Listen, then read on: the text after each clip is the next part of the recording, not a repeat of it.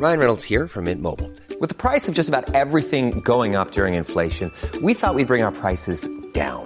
So to help us, we brought in a reverse auctioneer, which is apparently a thing.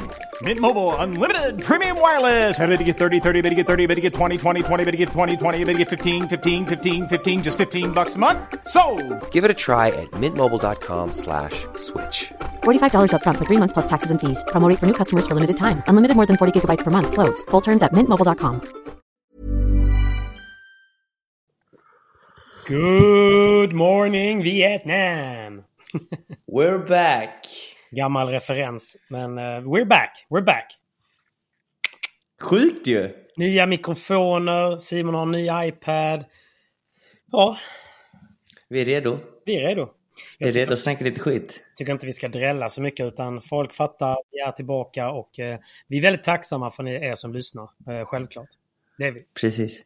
Och vi får be om ursäkt till alla våra kära lyssnare som, som inte har fått en podd från vår sida på länge. Ja, sen är det också så här, det, det känns ju så egoistiskt att be om ursäkt för att inte de fått lyssna på oss babbla. Men absolut, be om ursäkt för att inte det har kommit något. Men, men nu är vi här, sommar, sommaren är här, solen skiner och eh, jag tror det var ett bra break för oss också. Eh, Ladda lite, tagga till. Och nu är vi bara, det är bara dags att kötta igen. Nu är det bara kötta igen, nu gasar vi. Eller hur? Så Det tycker jag, det tycker Det är inte så mycket att... Jag tycker vi hoppar rakt in. Vi, ja, vi hoppar rakt in helt enkelt. Ja, vi kör, vi kör. Var vill du börja? Du vet vad, vi börjar med att säga stort tack till Hyper. Hyper är ju fortfarande vår sponsor här i podden och utan dem så vore det helt omöjligt att ha sådana här nya mikrofoner. Så att vi kanske får ett lite krispigt ljud nu till Simon Vasquez igen. Grazie mille Hyper. De är alltid med oss. Stort tack till Hyper som sponsrar podden. Och eh, jag vet att jag är väldigt aktiv just nu på Hyper. Det är ju Roland Garros fullt igång. Jag har nästan grus i hallen så mycket som jag kollar på, eh, på det. Jag tycker det är så jävla kul att kolla. Eh, och det är normala tider för en gångs skull. Det är det. Eller? De spelar i Paris ju, så Ja. vi är inte så långt bort så att säga. Nej, det är rätt tacksamt. För ibland kan det ju vara så Australian Open och annat kul att kolla på. Men det slaktar ju dygnet så det går inte riktigt. Jag kollade ju på eh, Danmark mot Norge igår kväll. Vad tyckte du? Det var ju inte en jättebra match första två seten kanske. Nej. Eh, Men sen blev det ju ändå lite match. Han är ju... Man kan ju tycka vad man vill om den där lille dansken, men han är ju väldigt underhållande. Han Det är han på- definitivt. Min pappa skrev eh, lite kul typ. Min pappa håller väldigt mycket på, då på dansken och så, så när matchen var över och norrmannen gick och vann så sa jag så att det ändå var starkt av honom att hålla ihop det och, och vinna. Han bara, jo, jo, starkt, men det är ju som att kolla på färg som torkar. Åh herregud. Han tycker han är så tråkig. Ja, men, han, men man kan ju säga att Runes känslor sitter ju på utsidan. Exakt. Och Kaspers känslor är verkligen på insidan. Men det är intressant för det, jag menar båda är ju, båda är ju mitt i det. Alltså det, egentligen så kändes det som en ganska, jag vet inte, jag, alltså, jag trodde, jag trodde faktiskt att, typ att Rune var lite favorit. Jag trodde Rune skulle vinna. Eller hur? Jag trodde definitivt han skulle vinna. Eh, sen var det ju... tennisinsatta folk är, men, men visst, han har ju han har väl ett sämre inbördes möte, men däremot så vann han senaste mötet mot dem och eh, har väl haft ett bättre år.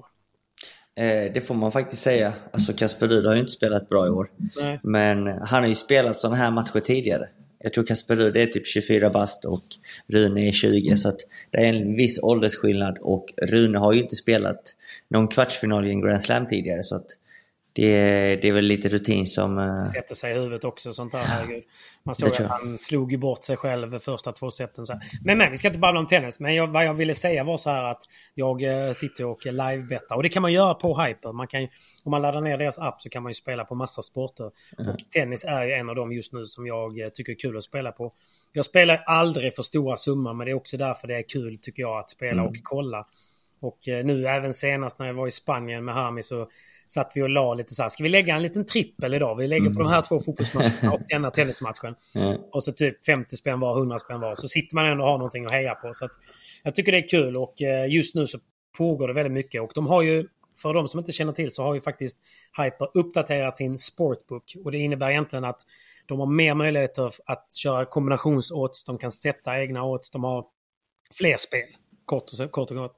Och sen har de också uppdaterat appen, uppdaterat UX. Så all design, det är lättare att hitta sporterna, det är lättare att spela, det är lättare att navigera eh, i den. Så att eh, de har gjort ett jättelyft och eh, jag tycker det, tycker det är eh, skoj att spela på de här grejerna. Men som alltid vad det gäller spel, skitviktigt att spela ansvarsfullt. Det är jätteviktigt att inte spela för pengar som man inte har råd att förlora.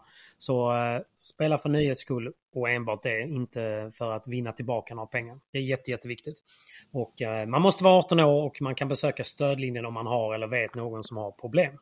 Men uh, med det sagt så säger vi tack Hyper och hoppar mm. rätt in i Torremolinos. Ja, Torremolinos och utomhusspel för nu är ju sommaren här gubben. Kepsen är på. För de som inte kollar så har jag en keps på mig för att sommaren är här.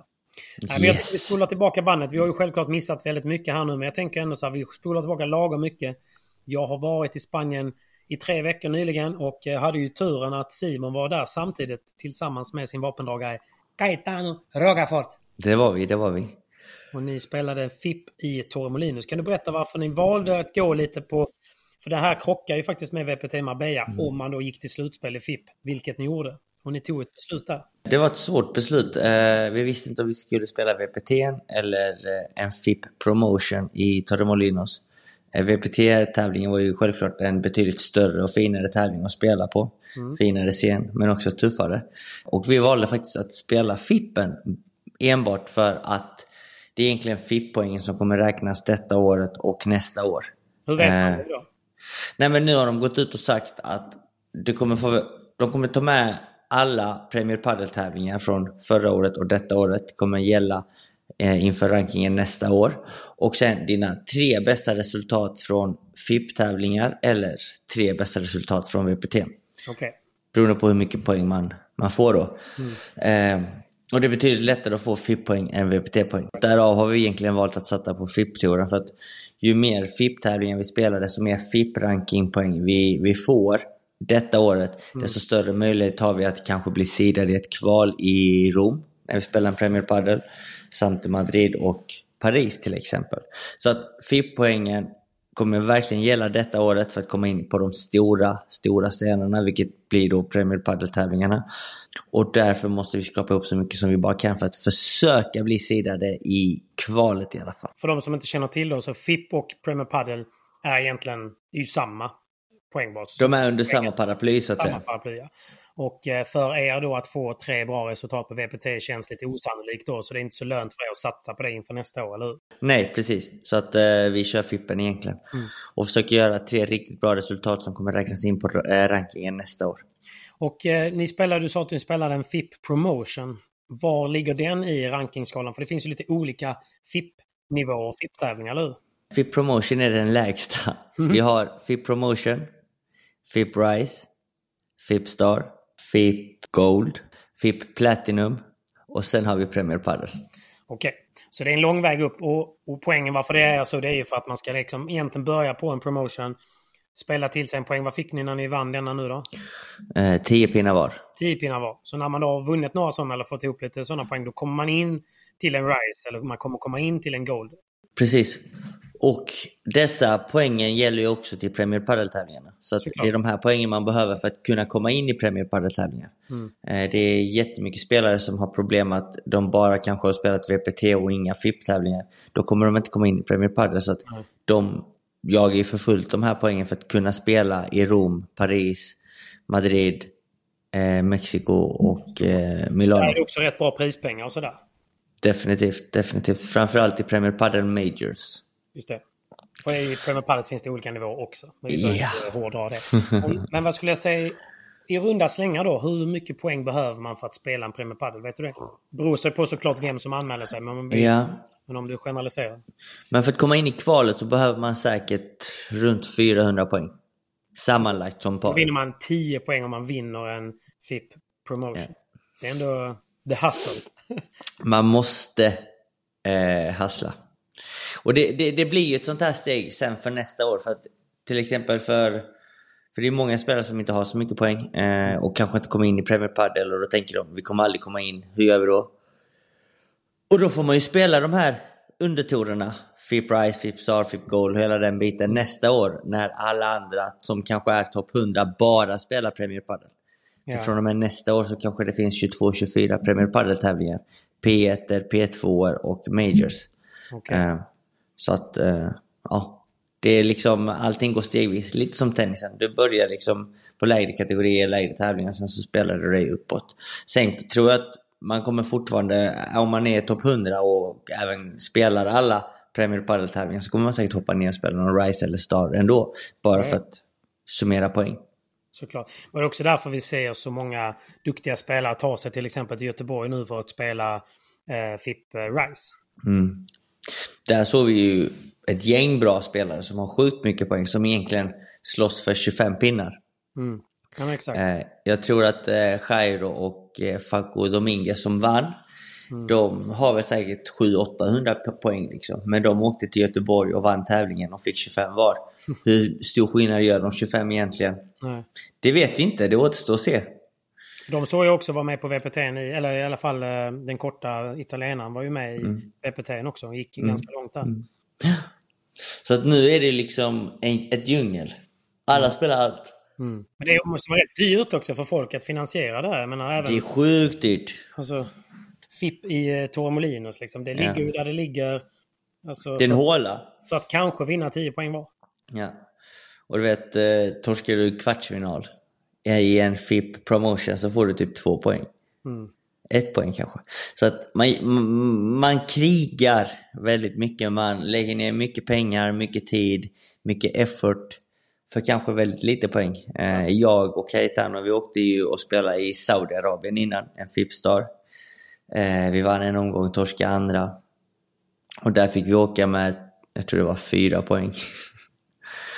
och sen åkte vi till Gratis åka till Saudiarabien heller. Nej, det var rätt dyrt och sen så Saudi var inte så jättetrevligt heller för den delen. Och en vecka där och sen åker jag direkt till Egypten. Mm. Vilket inte var så mycket trevligare, det var nästan värre. Det var värre. Vad var det som var värre? Ja, men det var allting, alltså allt från, eh, från landet, hur det funkade, infrastrukturen och det var, bara, det var hemskt att se på många sätt för att man såg ju fattigdom från ett helt annat perspektiv. Liksom. Det var, man såg alla husen som knappt hade tak eller väggar. Eh, de hade ju absolut ingen eh, el. De hade kanske inget vatten. Så att det var hemskt att se. Det var, det, var, det var hemskt att se alla hundar typ, som låg på gatorna, typ halvdöende. Så. Det bara krossade ens hjärta och sen så tävlingen spelades på en ny del i, utanför Kairo där det inte fanns någonting alls. Alltså du hade säkert 40 minuter till närmsta supermarket. En liten klubb de hade byggt så här. Låt säga att det här är klubben. Några banor, en kafeteria.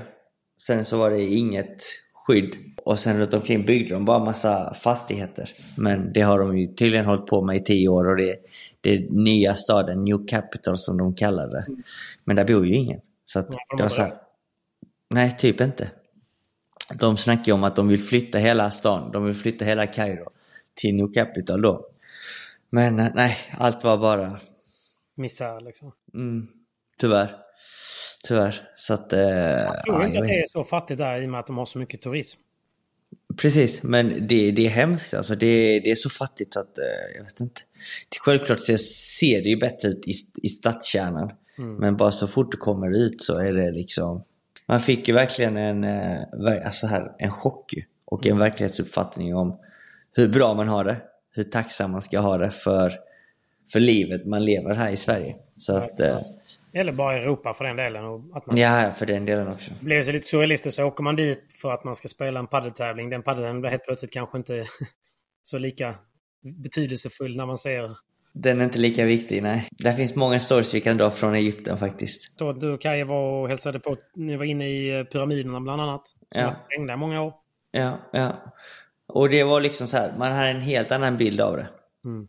Som du säger, det är mycket turister som åker dit för att se pyramiderna för det är historiskt. Det är en historisk grej. Det var egentligen bara ingenting att se. Alltså man såg ju bara typ kameler runt omkring som blir misshandlade av eh, ägarna. Du ser, eh, visst, en pyramid. Jävligt coolt, häftigt. Du får höra lite historia bakom det.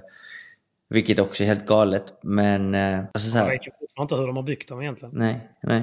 Det vet man inte. Men sen så fortfarande så ser du de här hundarna som går runt i solen och hittar knappt någon skugga, har inget vatten. De är supermagra och barn typ. Går runt och, och försöker sälja vatten.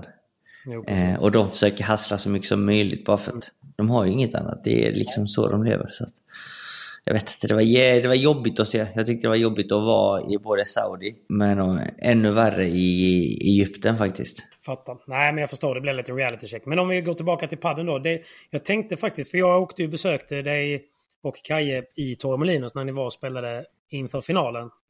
Jag tänkte jag väntar till finalen. Och eh, tog, jag och Hami, vi hade ju en hyrbil där nere så vi tog oss till det är ändå en bit, eh, jag tror det tog en timme för oss ungefär från Estepona där vi var. Mm. Och jag vet inte, någonstans så har man ju lite förväntningar när det är en FIP. Alltså man tänker att det ska vara lite uppstyrt, alltså det är på någon klubb och lite sådär. Men även om det är den lägsta FIPen, eh, så när vi kom till den här klubben, så, alltså det är ju knappt en klubb. Men det är Nej. Ett ställe som har lite paddelbanor. Och ni spelar ju på centerkorten som faktiskt hade en läktare på något sätt. Mm. Men det är, alltså bara för att folk ska förstå, det är verkligen så här Alltså, vi är så sjukt bortskämda. Om du tar, tänker dig din sämsta utebana i Sverige. Så är den fortfarande liksom tio gånger bättre än vad yeah. den banan var. Liksom. För det, 100%. det är verkligen, du vet, den var till och med så att de hade, den stod upp, de hade gjutit en platta på plattan. Så det var liksom, mm. den stod uppe på en 25 cm klack hela banan. Mm. Vilket slaktar möjligheterna för utspring. Alltså, mm. Jag kan tänka mig att folk som spelar där på tisdagskvällar, de kör ju med utspring ändå. Mm. Men det, är ju, det hade ju aldrig gått eh, liksom, på en sån här tävling, för det var ju livsfarligt. Mm. Men bara det och sen så du vet, det var, det var så mycket sand att liksom, det var ju någon gång jag såg två kameler i ditt eh, forehandhörn som liksom gick upp. Det, vi, vi kunde inte röra oss på banan. Nej, ni alla halkade runt, ni halkade runt. Och sen så var det ju andra förutsättningar som var svåra den dagen. Det var typ första dagen där verkligen solen kom fram och blev varmt. Mm. Och det var otroligt mycket vind. Alltså det var, det var det. Bara lite vind. Det också. Mycket vind. Alltså jag tycker vinden är det jobbigaste av allt. Om, du, om, du, om vi snackar förutsättningar, mm. bana, sol, vind, så tycker jag vinden är värst. Ja. Eh, det blåste mycket. Banan var, banan var ju som den var. Jag tror det var, här var typ så här, kommunens sportkomplex. För de hade alla olika sporter. Ja. Det var lite padel, det var lite tennis. Det var en basketmatch precis här 50 meter bort med 200 pers i läktaren. Typ någon, skol, en skola som mötte en annan skola. Så de bara satt och skrek konstigt. Ja. Och sen 50 meter längre bort fanns det en inomhusanläggning där de spelade futsal. Just det. Så att... Eh, det var också kaos. Det, det var kaos överallt. Men, eh, men det är som du säger, alltså FIP FIP-tävlingarna, de har inte så hög standard. Nej. De har inte så hög klass. Så det. Ähm, men, det men, men, det är också väldigt lärorikt. Och det jag mm. egentligen tog med mig från den var ju att ni mötte, en, ni mötte ändå ett ganska ungt par. Som, som oftast i Spanien. Ja. Mm. I alla fall Leftin såg väldigt mm. ung ut. Mm. Och eh, det jag var lite imponerad över, så här, jag, jag, kan bara tänka på mig själv, du vet när man är, säg att man är 17, 18, 19, mm. vad man nu än är. Och man går in och spelar en final och man kanske inte har spelat så många finaler. Det är ändå lite anspänning i det. Mm. Man vill ju, man, och alla de krigar ju för de här tio pinnarna ju, så att mm. det är väldigt betydelsefullt. Uh, och när då banan är så dålig så att han Leftin som en, den har en ganska bra uh, typ smash och sånt. Du vet, han sprang ju och halkade på banan säkert tio mm. gånger. Som han mm. liksom trillade och sådär. Mm. Mm. Men inte en gång gick han och gnällde på förutsättningarna. Nej. Jag var helt begeistrad. Alltså jag, hade, jag kan bara tänka hur jag hade varit i den åldern. Jag hade ju varit så tokig. Alltså... Men, jag tror vi mötte två grabbar som, som är vana att spela på sådana förutsättningar. Mm. För att de har inte spelat på de större scenerna om man ska kalla det. Typ Premier Padel, Roland Garros, Rom och de här tävlingarna. Och kanske inte heller VPT-tävlingar. Som, som på senare dagar har bättre förutsättningar. För att om du spolar tillbaka bandet eh, tre år sedan så var VPT-kvalen hemska ju. Alltså de spelades på lika dåliga banor som de spelade, som vi spelade här. Mm. En FIP Promotion. Ja, så, var, så var VPT-kvalstävlingarna mm. innan. Sen har de blivit bättre på senare dagar. De senaste två åren har de kanske steppat upp. Framförallt för, sedan förra året. Men mm. annars har ju VPT-kvalen också varit bedrövliga. Ja. Jo, men det är du känd för. Så att, eh, nej, men vad jag menar lite är att jag tror att det är så, jag tycker det är så viktigt att ta upp också. Så här, för jag tyckte också att ni var väldigt bra jämfört med kanske för något år sedan. Alltså på att mm. faktiskt anpassa er efter förutsättningarna. För det som är trist är lite så här, man tappar sina vapen. Mm. Och då kan man lätt bli frustrerad. Alltså så här, jag är rätt bra på att slå volleys, men det går inte nu. Mm. Jag är rätt bra på att smasha, men det går inte nu. Typ så här, att man inte bara då... Ja, men det här går inte, det, vi kan inte spela så här. Det här är inte, jag vet, så här, för det har varit så lätt att göra ju. Definitivt definitivt. Så... Och det, det, man måste vara bra på att anpassa sig fort. Och där tror jag också fler och fler spelare faktiskt börjar åka till tävlingarna lite tidigare. För att man har inte den möjligheten eller tiden att spela in sig så pass fort att man kan komma dagen innan eller samma dag till tävlingen. Utan man måste vara två, tre dagar innan och verkligen träna på banorna för att verkligen komma in i, i, alltså på rätt sätt till de förhållandena och hinna anpassa sig. Så att, eh... Jag drar bara en parallell. För i Sverige, jag tror det var SM förra året. Då spelades det i någon hall. Vi behöver inte outa den hallen. Men det spelades i en hall. Och alla klagade på att det var någon kondens. Alltså du vet så här, så att glasen Ja. är lite fuktiga. Vilket gör, och det jag vet, alltså så här, jag har spelat i hallar med kondens. Det är helt omöjligt. För du kan Ja. inte få den i glas. Den går rakt ner. Och någonstans, det är lika för alla. Men du vet, så här, det enda man hör från det är så ja ah, men det var ju det, det gick ju inte att spela. Det är, Alltså förstår du vad jag menar? Och det är, för det är, i Sverige är vi så vana vid att ja, men det är tävling på fredag, vi kan åka dit på morgonen. För att Ja. de har måndagsmattor, det är nya, alltså allting Ja. är så här, hur, hur farligt kan det vara? Har man otur så är det Nej. åtta meter i tak. Typ. Precis. Alltså, Typ. men i princip så behöver du inte spela in det. Det kan, vara, det kan vara lite långsamt eller så kan det vara snabbt. Men det är Mm. inte så att det är inte så att det är skarvar bakom glaset eller alltså så här.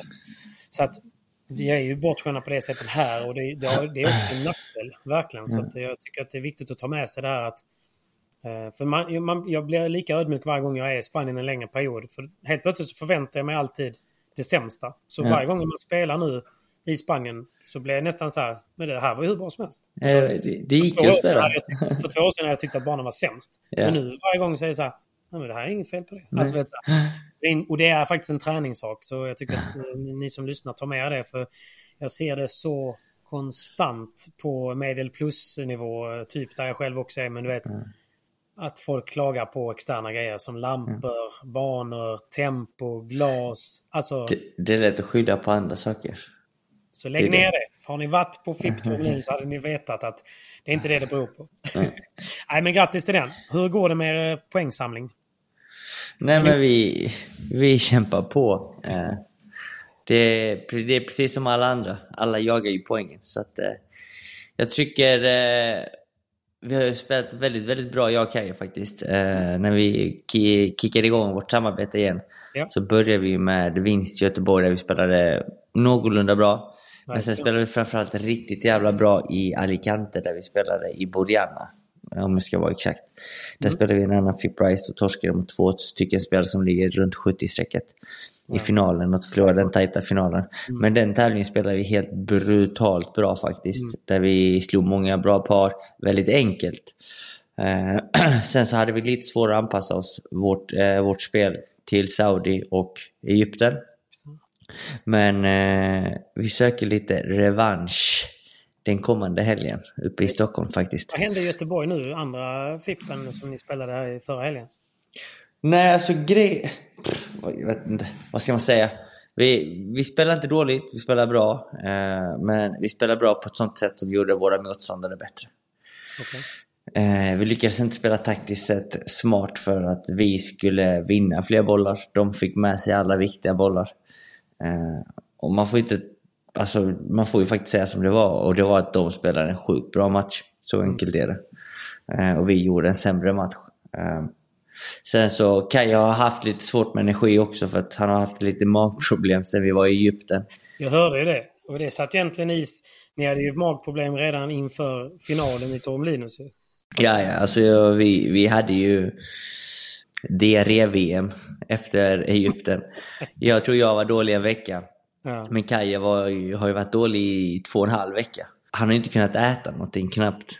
Eh, så att han har haft det jobbigt på så sätt. Och det, Det det var är liksom... ett schema förra också. Ja, tajt schema men eh, samtidigt är man dålig i magen och liksom inte kan få i sig energi och bevara energin. Och för, då, då, alltså det är svårt att tävla mot de bästa då. Ja. Alltså det, man måste vara 100% i alla tävlingar idag för att ha möjlighet att vinna. Och vi var kanske inte 100-100 nu i Göteborg. Eh, men vi gjorde det bästa utav det. Vi gjorde en bra match men taktiskt sett hade vi kunnat göra det bättre. Eh, så att, Det krävs ju så himla mycket av en, inte bara fysiskt men också mentalt för att ställa om och gå in i varje tävling och orka kriga emot. För folk är ju så pass bra. Jag kände det själv. Jag har ju precis kommit igång igen men eh, nu har jag varit på resande fot så mycket och sen så direkt när jag kom hem så åkte jag iväg två dagar igen eh, på ett event i Danmark och sen så kom jag hem från det. Och så fick jag ett mess från eh, Johan Forst och bara du fan vi har seriematch ikväll liksom. Jag bara du vet vaknade var... Och då hade jag bestämt mig för att jag har ätit så dåligt liksom under tre, fyra dagar att jag bara så här, Ibland gör jag så här att jag tar en fasta. Ja, men, Du ska alltid... Det är så bra för, för kroppen att göra det. Men jag ska inte frälsa någon med det. Utan Nej. de som fastar, de vet. Men, eh, så jag gick in i en 36 timmars fasta och så fick jag det här samtalet på morgonen. Bara, vi har ju match ikväll. Liksom. Jag bara, ja. Men i vanliga fall, det är inga konstigheter egentligen. Liksom. Men jag var rätt eh, uttömd eh, socialt också. Om man säger. Mm. Jag, var, jag kände för att bara hänga med tjejen i soffan och inte göra något. Men Mm. eh, så det var ju match den kvällen och jag åkte dit och du vet så här, hade fastat i 26 timmar inför matchen. Jag var helt slut socialt. Och det skulle spelas in till YouTube. Alltså vet du, jag bara kände bara, jag kände verkligen inte för att spela padel. Men du fick inte för dig bara, nej fuck it, jag ska ta något litet så jag har lite energi i alla fall. Men då är det ju inte fasta liksom. Nej. Nej, så det gick åt helvete för jag var inte där. Och så förstår man att man... Ja. Och det är vad jag menar lite där att ibland kan man känna så att... För padel är ju, alltså padel måste ju vara roligt också. Nu är det ditt jobb, men för min del så är det så här. Om jag väl investerar tid i att spela padel så måste det också vara kul. Och eh, det är inte alltid det är det. Och då är det kanske viktigt att ta ett litet break. Ja. Och det jag menar med er tävlingsschema nu är ju att det känns som att det har varit väldigt så här aggressivt. Ja, jag satt lite med planeringen nu med Andreas och så här, för att prestera bra så måste jag, jag kan tävla i två veckor i sträck.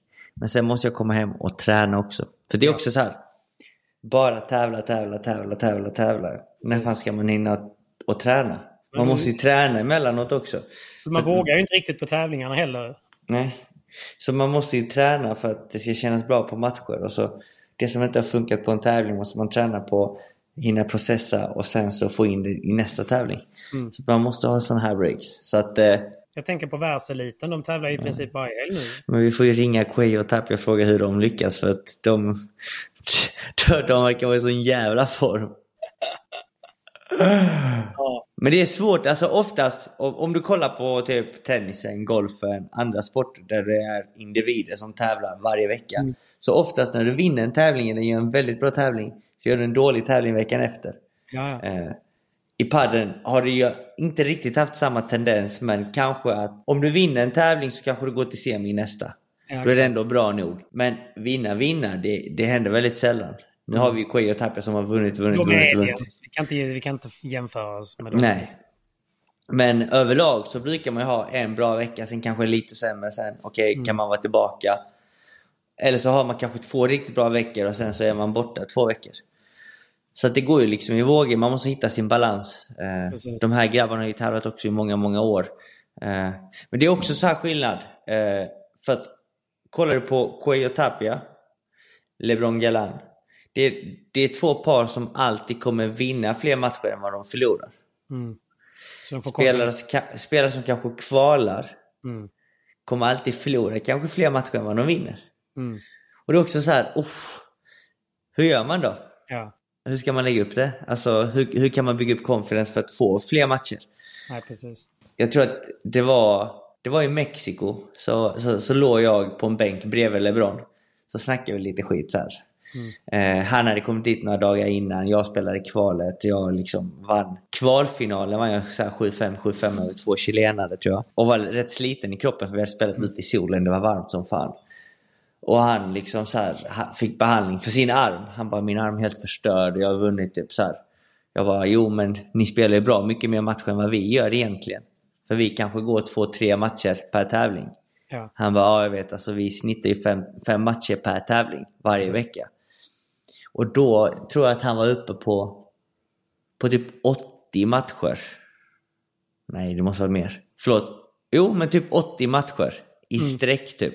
Ja, På typ typ, jag vet inte på hur många veckor, men Nej. det var liksom match hela tiden. Mm. Han Just bara träning.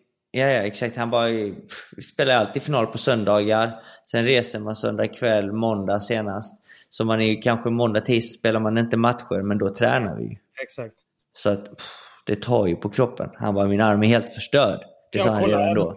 Och det tror jag också har att göra med att du vet, du vet ju själv, man, eliten spelar med styva och styva racketar Mm, för att mm. de vill få mer och mer fart på bollen Mm. också för att de ska kunna blocka hårdare och Mm, hårdare skott. mm. Liksom. Men det, det, det finns ju ändå bevisat någonstans nu om man tittar på Tapia, tittar på LeBron. Mm. De får ju problem. Även de som är unga, vältränade får ju problem. Men kolla Tapia nu. Efter, vad är, är det nio tävlingar de har i rad? Sju? Mm. Ja. Sju eller nio? Jag vet inte exakt. Strunt samma. De har vunnit alla VPTs detta året. Nu har han ju ont i armen. Nu har han ju problem med armen. Alltså, de senaste två tävlingarna har han haft ont. Han har ju Ja. gått liksom med värsta... Och han har inte kunnat smasha igång liksom. Nej. På de två tävlingarna. Ändå vinner de. Det är det jag menar. Så att det är liksom... Och frågan är hur länge det håller. As a person with a very deep voice, I'm hired all the time for advertising campaigns. But a deep voice doesn't sell B2B, and advertising on the wrong platform doesn't sell B2B either. That's why, if you're a B2B marketer, you should use LinkedIn ads. LinkedIn has the targeting capabilities to help you reach the world's largest professional audience. That's right, over 70 million decision makers all in one place. All the big wigs, then medium wigs, also small wigs who are on the path to becoming big wigs.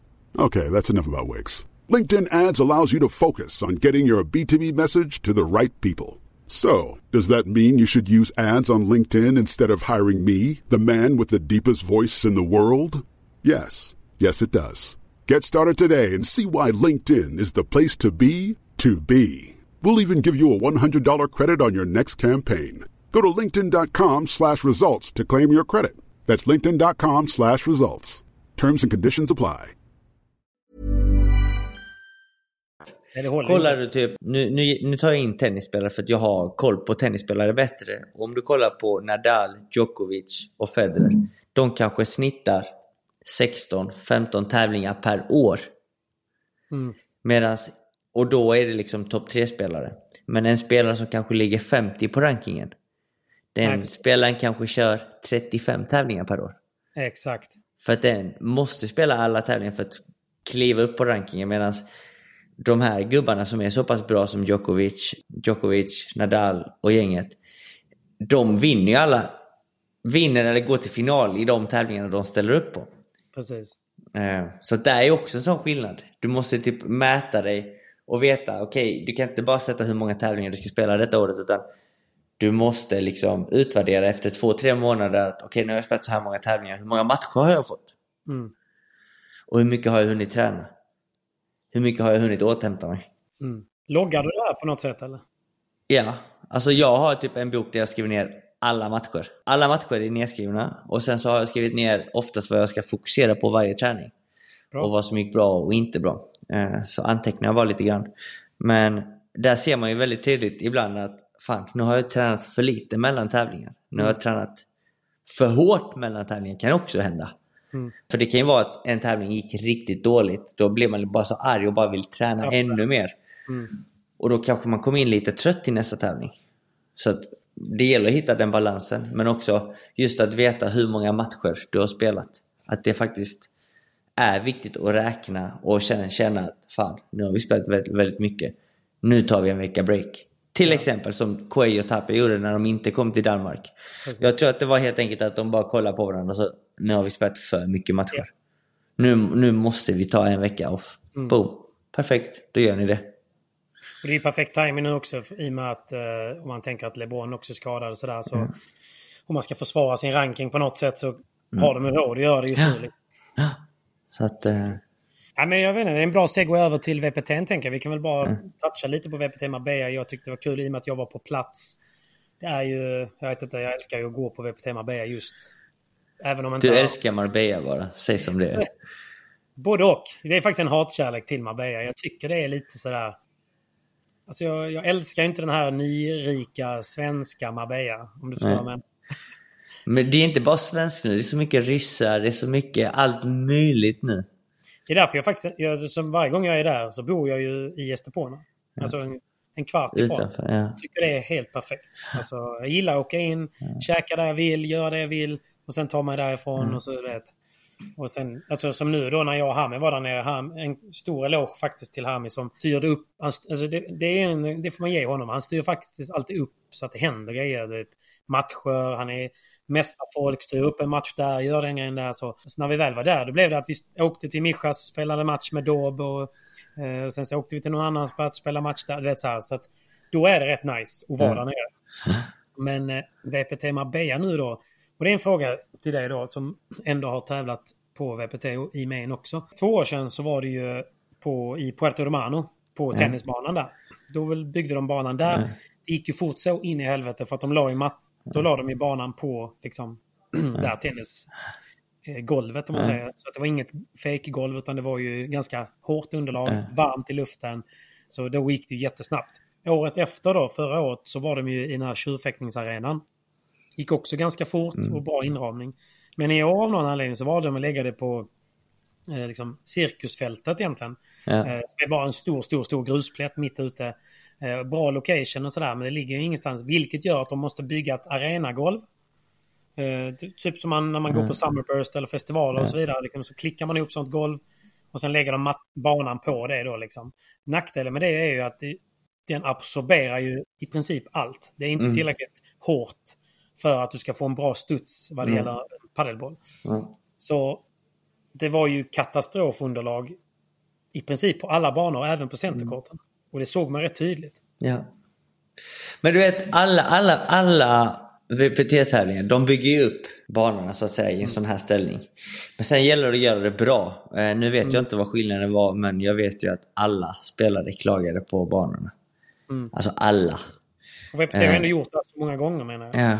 Jag vet inte vad som kan ha gått snett alltså. Det kan, jag vet faktiskt inte. Det, de har gjort det så pass länge så att de borde veta exakt vad som funkar och inte funkar.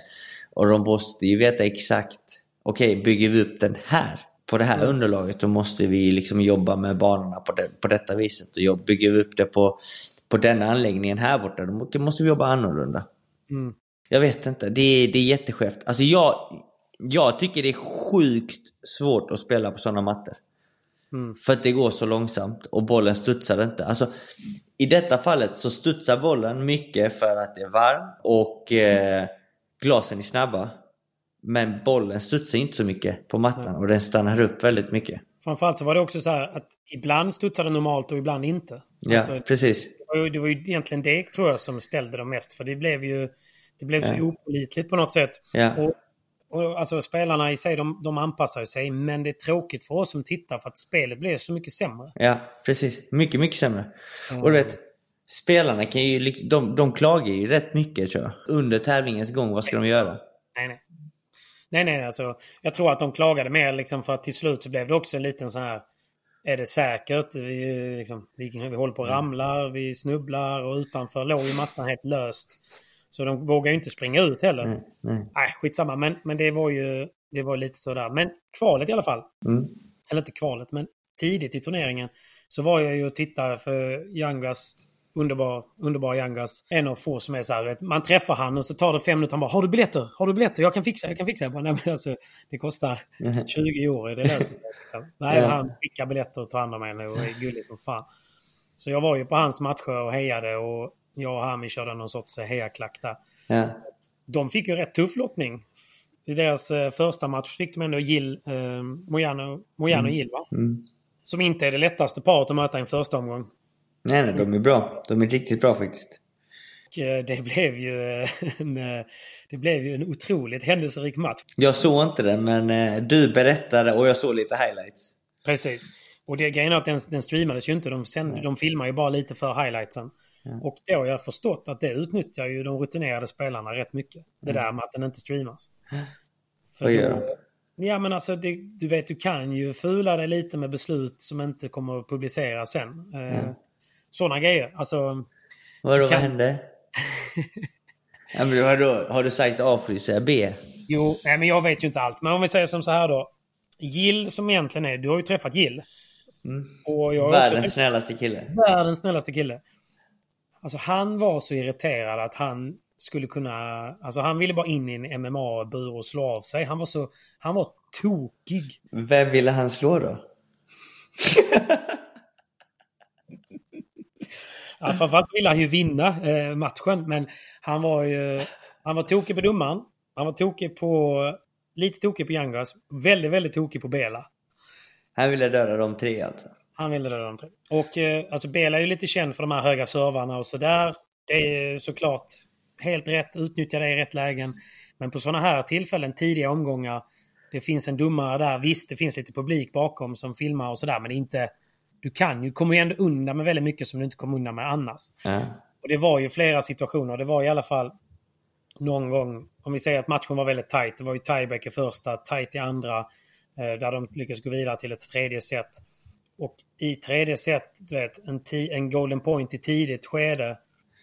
Och Jan och Gill, golden point i deras serv. Långboll, långboll, Jidiadi, de pressar Bela, vilket de gjorde hela matchen. Det var faktiskt lite hemskt att se hur de verkligen bara så här spelar kort, lång, kort, lång på Bela. Och till slut så hängde han bara inte med, han bara gav upp typ mitt i bollen ibland. Men, och då var det någon gång de spelade till sig ett läge och bara smäller den för att lobben är kort. Och eh, de har inte en chans att plocka den. Bela liksom når inte bollen. Och, men de springer fram och pekar på typ så här nät, nät, nät. Då menar de typ att Gill hade smashat så nära nät eh, att han hade touchat den. Ja. Och jag satt ju exakt på kortsidan. Jag satt rakt bakom. Så jag kunde inte se. Alltså Gill täckte ju nätet med sin egna rygg. Eh, men alltså säg att han var en och en halv, två meter ifrån nät ungefär, du vet, när man går fram för att knacka. Ja. Och nätet var ju inte så, så att det fladdrade på något sätt liksom. Men Bela var ju väldigt så här. Han var säker på sin sak. Gick rätt fram till domaren. Jag vet inte, men på något, någon vänster så pratade han sig till den poängen och den spelades inte ens om. Va? Och det var ingen videoreview såklart? Ingen video. Så då gick, han, då gick bara Gillen ut och satte sig. Och bara vägrade spela vidare. Vad hände då hade, sen då? då hade det ändå varit flera incidenter under matchen som Ja. var tveksamma. Du vet, de hade dömt ut någon poäng på sin egna sida som inte någon annan kan. Alltså, vet, så här. Och visst, de har säkert rätt. För de var väldigt säkra på sin sak. Men jag vet bara inte.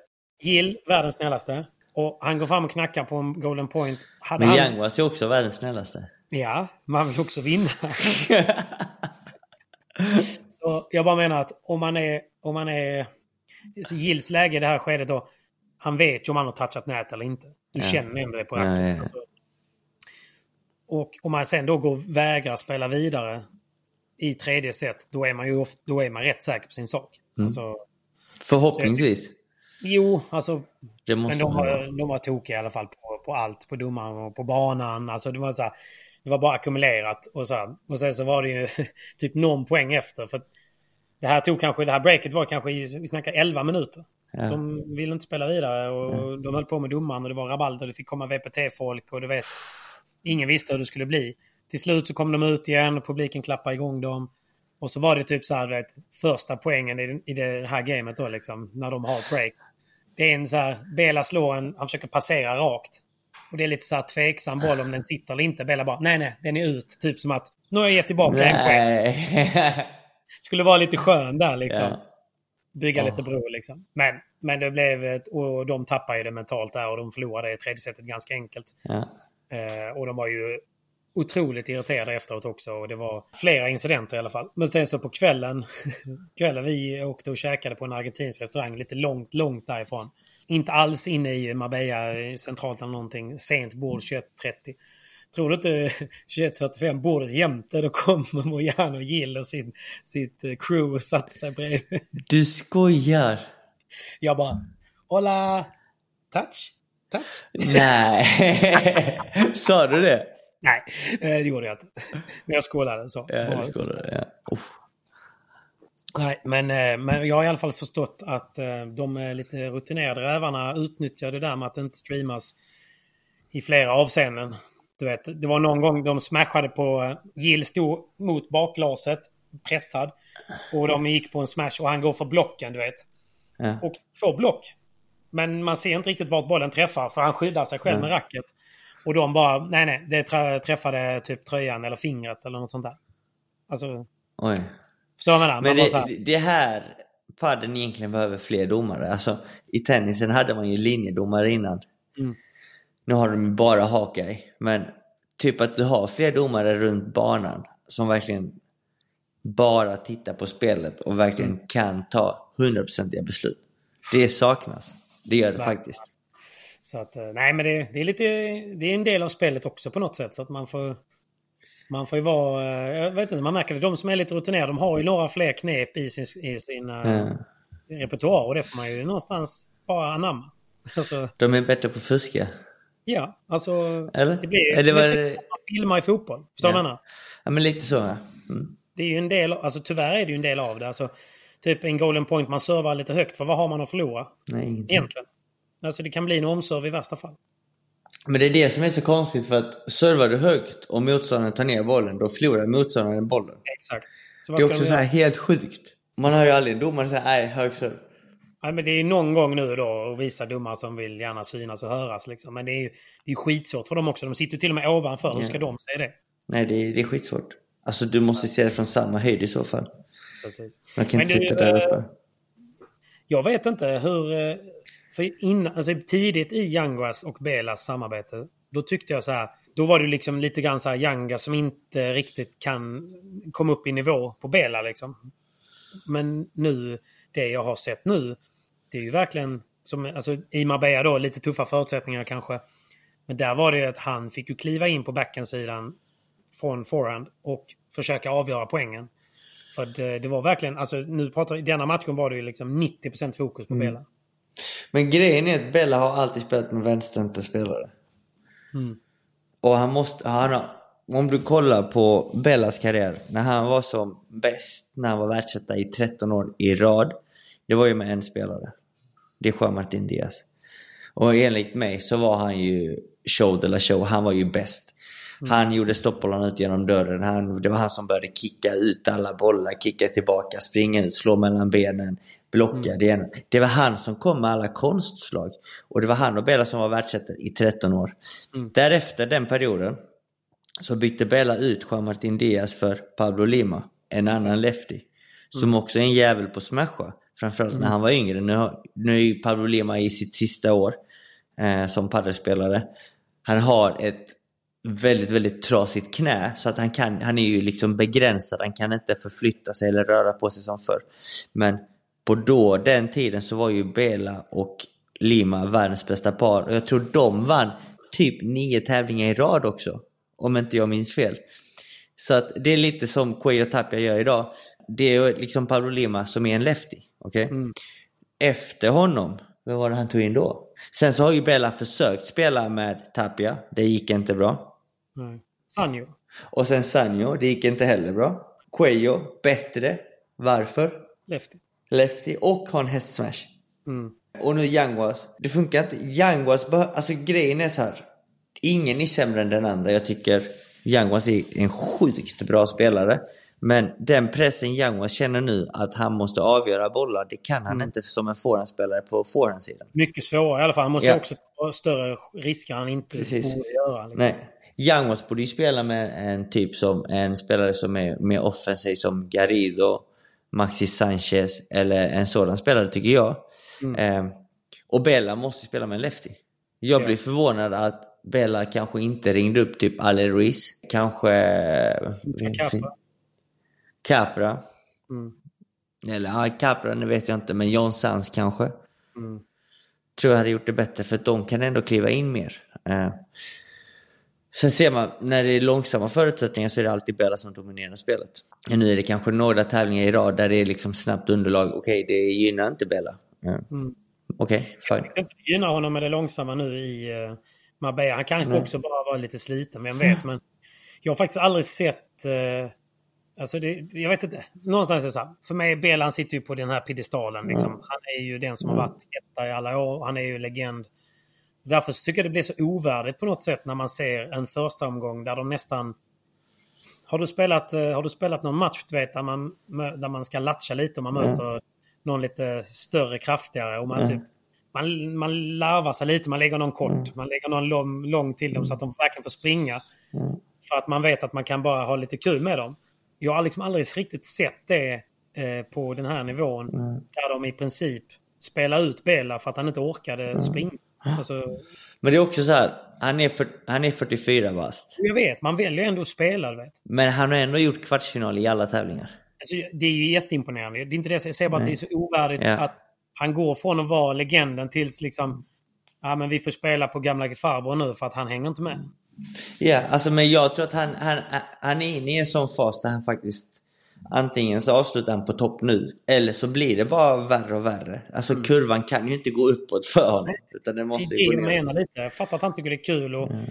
Alltså han är ju legend. Var han än går där mellan matcherna så är det bilder och sådär. Det, det är nog svårt att släppa den grejen. Men jag vet inte, det känns så ovärdigt bara på matcherna när man ser hur eh, den nya padden inte riktigt passar honom. Om man får säga så. Ja, och jag tror inte bara det är den nya padden utan det är bara liksom att pff, kroppen kanske börjar säga ifrån nu. Ja, och det är väl rimligt också. Alltså, Det är fullt rimligt. Det är fullt Mm. rimligt. Han är fortfarande, han kommer fortfarande vara en legend. Men det känns bara så synd att det ska behöva gå. Typ säga att liksom, det går hela vägen till att han inte vinner första Mm. omgångar. Eller sen så helt plötsligt, alltså vet så här. det är inte- Men kolla typ Zlatan, hur mycket har inte han försökt att komma tillbaka till fotbollen?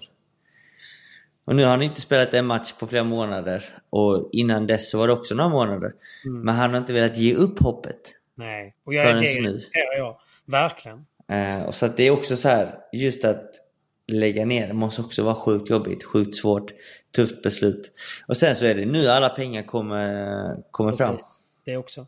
Nej, nej, det är helt rätt att hålla i. Det är bara jag har aldrig sett det så tydligt innan liksom att någon som var så dominant i princip Mm. och kunde styra spelet helt plötsligt så det var flera gånger folk bara så, varför springer han inte? Hallå, den bollen har han ju. Alltså, vet så här, han bara Mm. Och sen vet man ju inte om man, om man har ont någonstans. Klart han har. Han är 44. Men det kan ju vara att han har en sträckning eller att han har strukat foten eller whatever. Och att det, liksom, det kommer ta några veckor men sen så är han kanske tillbaka och, och vinner de här första omgångarna lite lättare. Precis. Men eh, i övrigt då, vi har ju en annan liten ny match där som vi inte visste hur det skulle gå. Det var ju John Sands med eh, eh, Galan. Hur gick det då? Så fan, jag tyckte synd om John Sands i den matchen. Alltså. Jag var ju på deras träningar rätt mycket under veckan och de hade ju sjukt kul. Eh, John Sands, superhärlig snubbe. Galan eh, känner mig lite sen innan, också jättetrevlig. Fortfarande otroligt dålig på engelska. Men... Eh, nej men jag vet inte, de hade askul på träningarna. De, och jag vet inte, Galan kändes verkligen som att han också tyckte det var skitkul att få tävla igen och bara få... Du vet, för psykologiskt också är det första tävlingen på många, många år där han går in som en underdog. Ja. Och har egentligen inget förlora. Nej. För skulle det gå dåligt, då vet ju alla att ah, men det var ju för att han spelade med John Sands. Och skulle det gå bra så... Alltså, så att jag tror att han tyckte nog det var rätt kul att spela. Sen så blev det ju då, om vi tittar på förutsättningarna, så som vi pratade om Tornolinos, så blev det ju lite här nu i VPT också. För när de gick in och skulle spela sin match på centerkorten, då var det ju enorma vindbyar alltså. Ja. Du vet, flaggorna, det var ju sju, åtta flaggor. Alla stod åt olika håll. Alltså helt olika håll. Och de var spikraka för att det var, blåste så mycket alltså. Ja. Så eh, det var ju inte... Och sen, det är lika för alla. Men det var fan inte lättspelat alltså. Och eh, de mållåste ju verkligen på John Sands som... Fan, det är ingen rolig sits han sitter i heller. Visst, är en jättehäftig möjlighet, men det är också Det är press. otrolig press. Otrolig press. Så jag tyckte Sjukt väldigt mycket press. Och han chokar ju såklart. Och det, det blev ingen bra match för Mm. honom. Nej, men han är liksom... Och han hade gjort en väldigt, väldigt bra tävlingen innan med Kokineto i Vienna. Bra alltså. Eh, Jag tror de var i semifinal då. Så att eh, han har en sjuk potential Sands. Så jag tror att han och Galan kan ändå göra det bra. Ja, ja. Eh, Jag hoppas ändå att de ger en chans. Det ett par jag. tävlingar till. En annan, ett annat par som gick väldigt långt och som överraskade trots väldigt tuffa förutsättningar. Det var ju eh, Augsburger. Den argentinska Ja. idol. Han spelar ju med Rico. den korte, korte, Ja. korte Rico i alla fall. Javi Rico heter han, förlåt. Javi Javi, Rico. Javi Rico. Och han vann ju för fan hela Spaniens... Alltså han fick så mycket fans där. Är det sant? Han var ju så spektakulär. Han räddade mycket. Hans försvar var helt otroligt. Jag tror han hade två unforced alltså efter en och en halv timme. Det var helt... Han var, han var otrolig på banan. Och sen är det ju kul att se Augsburgers alltså helt orädda sätt att spela på. Alltså han går för det i läge där man inte tror att det ska gå. Ja. Och, och hans arm är så snabb att inte ens om man filmar i slow motion så man med axet. Liksom. Det, ja, det är så imponerande att kolla på live. Så att, eh, de två, en otrolig matchning som jag inte kanske såg förut. Nej. De gör det bra tillsammans. De gör det väldigt bra. De gör det bra tillsammans. Långsamt. Långsamma förutsättningar. Tänk de två under lite andra premisser också. Zoom. Zoom, zoom, zoom. Zoom. Nej. Han hade det rätt gött. Man såg ändå att han har rätt gött liv där, Augsburg. Mellan matcherna, du vet, han jassar runt där. Det är ju fortfarande kul med padden för att alla spelare går ju bland Yeah. folk. Och han är ju en riktig rockstjärna där och det, är liksom, det springer lite damer efter honom och lite sådär. Han gillar det, han gillar det. Så, ung och allting framför sig. Han kommer bli bra alltså. Han kommer bli Ja, bra. De, eh, det var, de gjorde väl i princip de mest underhållande matcherna när man Mm. kollade live faktiskt. Annars var det inte så många bra matcher just för att förutsättningarna... Banan var så dålig och det var så svårspelat med vind.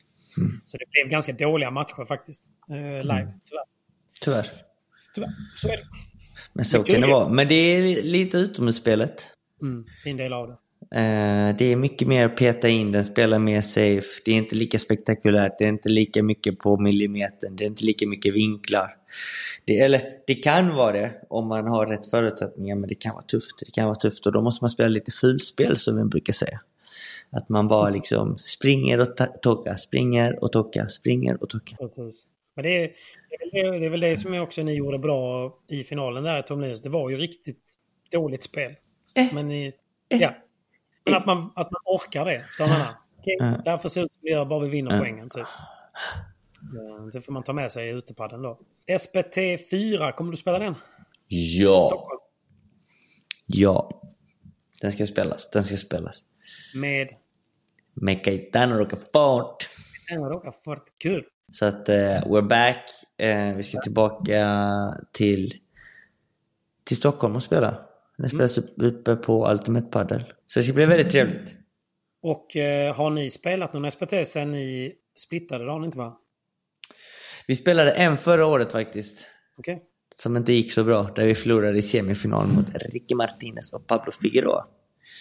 I semifinalen. Och även de ska spela tillsammans denna tävlingen. Det är kul. Jäkligt kul för Pablo. Ja, så att eh, det kommer nog vara alla de klassiska paren med. Tror jag. Eh, SPT5 spelas ju faktiskt eh, där jag har mitt kontor på Time for Paddle här i Göteborg. Time for Padel alltså. Och vet du när? Den är någon gång i augusti. Eh, den. Ja. Och eh, innan det så är det ju, du vet samtidigt som det är den nästa FIP-tävling här i Göteborg. Ja, Då har de någonting som heter Hisingen Open tror jag. okej. Och det är ju planerat så att spelar man FIPen så är spelschemat gjort så att man kan spela den sam samtidigt. Jaha, Ja, okej. Det är skitbra ju. Precis. Så det är ett bra tips för er som ändå är i Göteborg och ska spela FIPen. Passa på att anmäla er till eh, Hisingen Open på Time for Paddle. För de eh, spelschemat är anpassat för eh, FIPen. Så att man Super. kan slå två turneringar i, i ett. Double up. Vi snackar ändå om att det kostar att spela på de här tourerna så då kan man ju lika bra försöka samla så mycket pinnar som möjligt. Både Ja, internationella och svenska. Lika viktigt. Lika viktigt. Men du, gör du någonting annat nu som spelar golf nu för tiden? Nej men grejen är så fort jag är klar med eh, padden så drar jag ut till golfbanan faktiskt. Det är så jävla nice. Det är så jävla nice. Ja, det är det va? Tycker Mimmi det är lika nice då? Sådär. Hon tycker det är kul också. Mimmi kommer från en golffamilj. Så att Okej. eh, jag är faktiskt ute och spelar med hennes familj rätt så mycket. Mm. Så att där är jag liksom rätt så safe. Hennes, måste vara rätt gött. Din svåger då, Mimmis bror alltså. Ja. Han är lite bättre än dig på golf va? han är bra mycket bättre. Så han, har, han är väl nere på typ 4-5 i handikapp. Måste vara så Eh. gött för honom med tanke på att eh, du är bättre än honom på padel. Att han Exakt. har någonting han kan tvåla Exakt. till dig. Och sen så har jag svärfar som är uppe på kanske 7 i handikapp. Jäklar. Och sen eh, Mimis eh, morfar, Tony. Han är min privatcoach. Han var för detta pro i, i klubbar. Så att hon kommer från en golffamilj så jag, hon, hon är- accepterar ändå att jag spenderar tid med hennes morfar, hennes pappa, hennes bror. Så egentligen är det inte du som vill börja spela golf utan det är så här ni ska gifta er om ett år. Du måste bli bättre på golf helt enkelt. Jag måste bli bättre på golf, annars kommer jag inte bli accepterad av familjen. Kör på det. Då är det okej. Då är det okej. Ja. Jag ska kanske en dag ta ett grönt kort också. Nej men alltså du måste du. Alltså just det, det jag tycker är skönt, det är att liksom så här, padden är väldigt intensiv. Det är liksom, det är mitt jobb också. Alltså jag tycker padel är minst lika kul som eh, golfen. Men att släppa padden och komma ut i naturen nu när det är bra väder, höra fåglarna. Pi. Ja, Vara ute i naturen, känna gräset, alltså doften. Bara, bara, det är så harmoniskt. Alltså det blir typ ett sätt för mig att meditera. Det är skitnice. Alltså jag tycker det är drömmen. Så ibland går jag upp typ så här 06.00 bara för att gå ut och golfa innan eh, paddelträningen. Padel. Och sen så... Ja. Nej, men jag köper det. Det enda jag tänker på är tiden. Det tar mycket tid. Svårt att få till. Folk har svårt, alltså mina polare har svårt att komma loss för att spela paddel. Hur fan ska jag få dem att spela golf? Nej, nej det, är- det är tufft. Du får flytta ner här så, så löser vi det. Ditt schema ser ändå ut som mitt ju. Min, till, faktiskt, min svåger är ju... Eh, är ju nej, jo. Min svåger är ju faktiskt jäkligt duktig på eh, golf också. Ja. För detta, för detta Perfekt. jag också. Det är bara ut och spela med honom ju. Ja, problemet är bara så att vi kan inget, inget bra utbyte. Jag kan inte lära honom speciellt mycket padel. Så vi, får hitta något där. Ja. Det finns alltid något. Det finns alltid något. Nej, men det är kul att snacka med dig igen kompis. Vi ska Du, försöka... Vi, jag tänker vi runda av här och eh, sen så blir, vad blir nu nästa tävling då för dig? Det blir ju SPT och efter SPT så blir det ju Fippen i Göteborg. Ja. Och efter Fippen i Göteborg så är det den stora eh, Premier Padel Roma. Oj, Premier Padel Roma. Så att, eh, det vore kul om du kom ner och spelade in där.